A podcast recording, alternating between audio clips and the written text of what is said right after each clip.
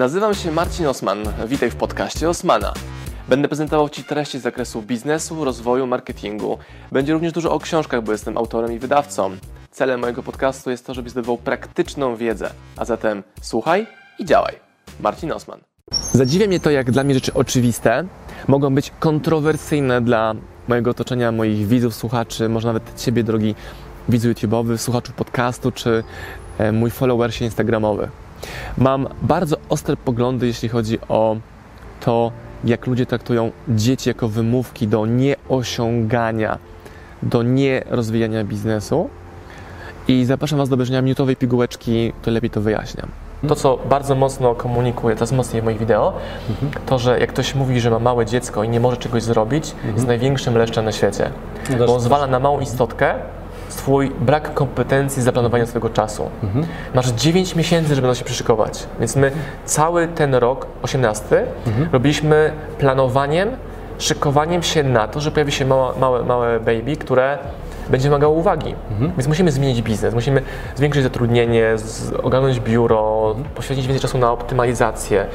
To nawet nie chodzi o optymalizację sprzedaży, czy też, ale logistyki, log, logistyki całego, całej pracy z magazynem i wiesz, tego typu rzeczy. I w momencie, gdy ta pigułka pojawiła się na Instagramie, bo w całym długim materiale wywiadowczym, wywiadowczy, materiał wywiadowczy, nie było to wyłapane przez moich widzów, więc tą pigułkę wyciągnęliśmy, żeby na to właśnie uwagę widzę skupić. Były takie argumenty. No dobra Marcin, ale co jak ktoś ma problem z ciążą? Albo co jak ktoś walczy przez cały okres ciąży, żeby ta ciąża się utrzymała? Albo co jeśli ktoś nie ma wsparcia? Albo co jak, co jak, co jak, co jak, co jak, co jak. Ja sobie tak myślę, ludzie nie mają pojęcia, przez co my przyszliśmy z naszą ciążą, z naszym dzieckiem i nie będziecie mieli o tym pojęcia, to znaczy super prywatne rzeczy, o tym nie komunikuję, ale skąd w ogóle założenie, że u nas poszło gładko, bez problemu? I stawiałem się nad tym głębiej dzisiaj, pod prysznicem o tym myślałem, że ja mam bardzo mało komunikatów o problemach, z jakimi się mierzę w moim życiu prywatnym i biznesowym. Czyli patrzę optymistycznie w przyszłość, na teraźniejszość, a z przeszłości trudnej wyciągam wnioski, lekcje.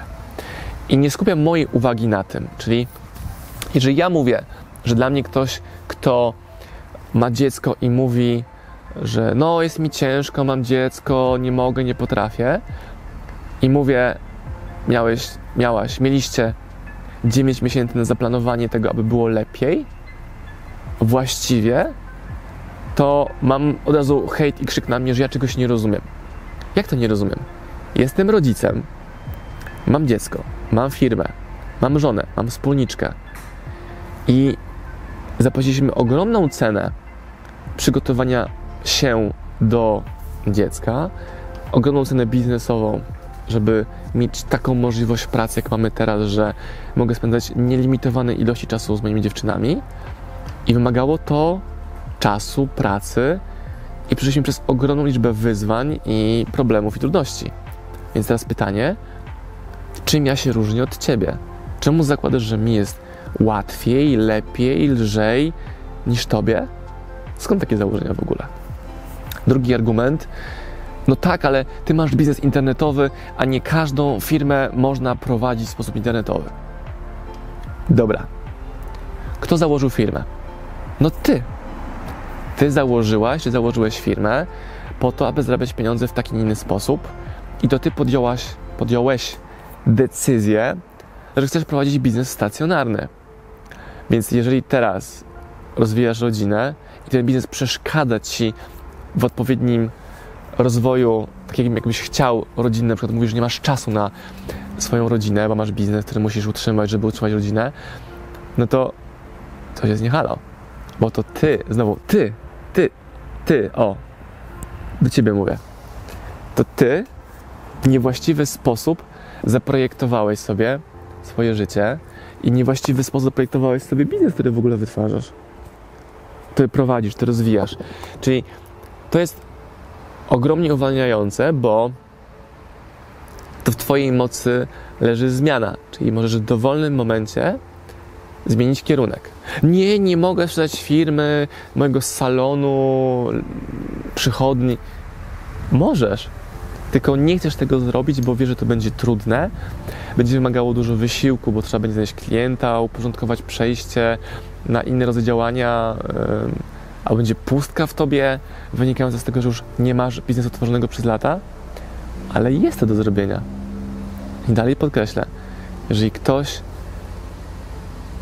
ma firmę, pracuje gdzieś, właśnie to nie musi tylko firma.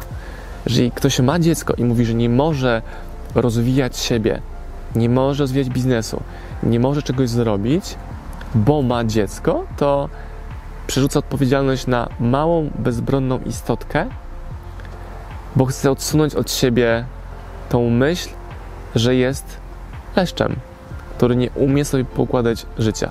Ale jak to leszczem, to ty w ogóle pierdolisz, Osman. Tak, to jest niechęć zapłacenia ceny dyskomfortu wynikającego ze zmian. Jest trudniej, łatwiej, tobie jest lepiej, mi jest lepiej, komuś jest trudniej, komuś jest łatwiej. To jest ciągły wybór. I to od ciebie zależy? Tak. I to jest przerażające, że ludzi przeraża to, że to właśnie od nich zależy, co z tym zrobią. To właśnie od nich zależy, co z tym zrobią. Łatwo jest powiedzieć, jest, mam dziecko, trudno, a z drugiej strony przecież dziecko to też się samo nie, nie stworzyło, tylko dwójka osób podjęła decyzję, wchodząc w ten akt, że hej, a co jak z tego będzie dziecko? I mieliśmy mnóstwo rozmyślań w tym temacie i zawsze chodzi o decyzję, odpowiedzialność, koszt dyskomfortu, koszt zmian, z jakimi będziesz musiał się zmierzyć, żeby to wyszło lepiej, gorzej, inaczej. Ale znowu, raz 15 chyba w tym odcinku powtórzę, że to chodzi o Twoją odpowiedzialność za zmiany, więc jest to Twojej kontroli. Jest to trudne, bo koszt trzeba będzie ponieść, cenę trzeba będzie zapłacić, ale znowu, jest to dalej w zakresie Twoich kompetencji. W jakiej kompetencji? Wpływu, odpowiedzialności. Jak to poszerzać? Małymi kroczkami. Świadomością. Wzięciem pełnej odpowiedzialności. Jak masz z tym problem, obejrzyj sobie materiały Rafała Mazura. On dużo mówi o tym, czym się różni ofiara od pana, czyli od władcy, od kogoś, kto włada swoim życiem, a ktoś, kto jest ofiarą, czyli oddaje swoje życie, odpowiedzialność innemu człowiekowi albo światu, żeby ktoś za niego decyzję podejmował. Z tym Was zostawiam.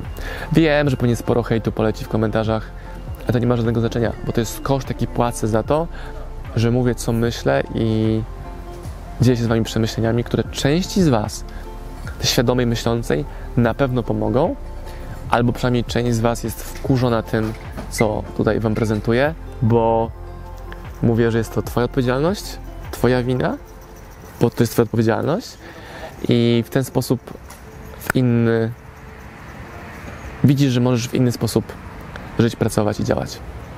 Bo właśnie zebrałem Cię wymówki. You're welcome. Pozdrawiam Was, moi drodzy podcasterzy, słuchacze mojego podcastu. Dziękuję, jestem Wam na maksa wdzięczny za to, że mogę z Wami spędzać czas w podróży, po to, abyście mogli do mnie się uczyć i ja, żebym mógł budować z Wami relacje, będąc w Waszych uszach, Waszych samochodach, Waszych podróżach.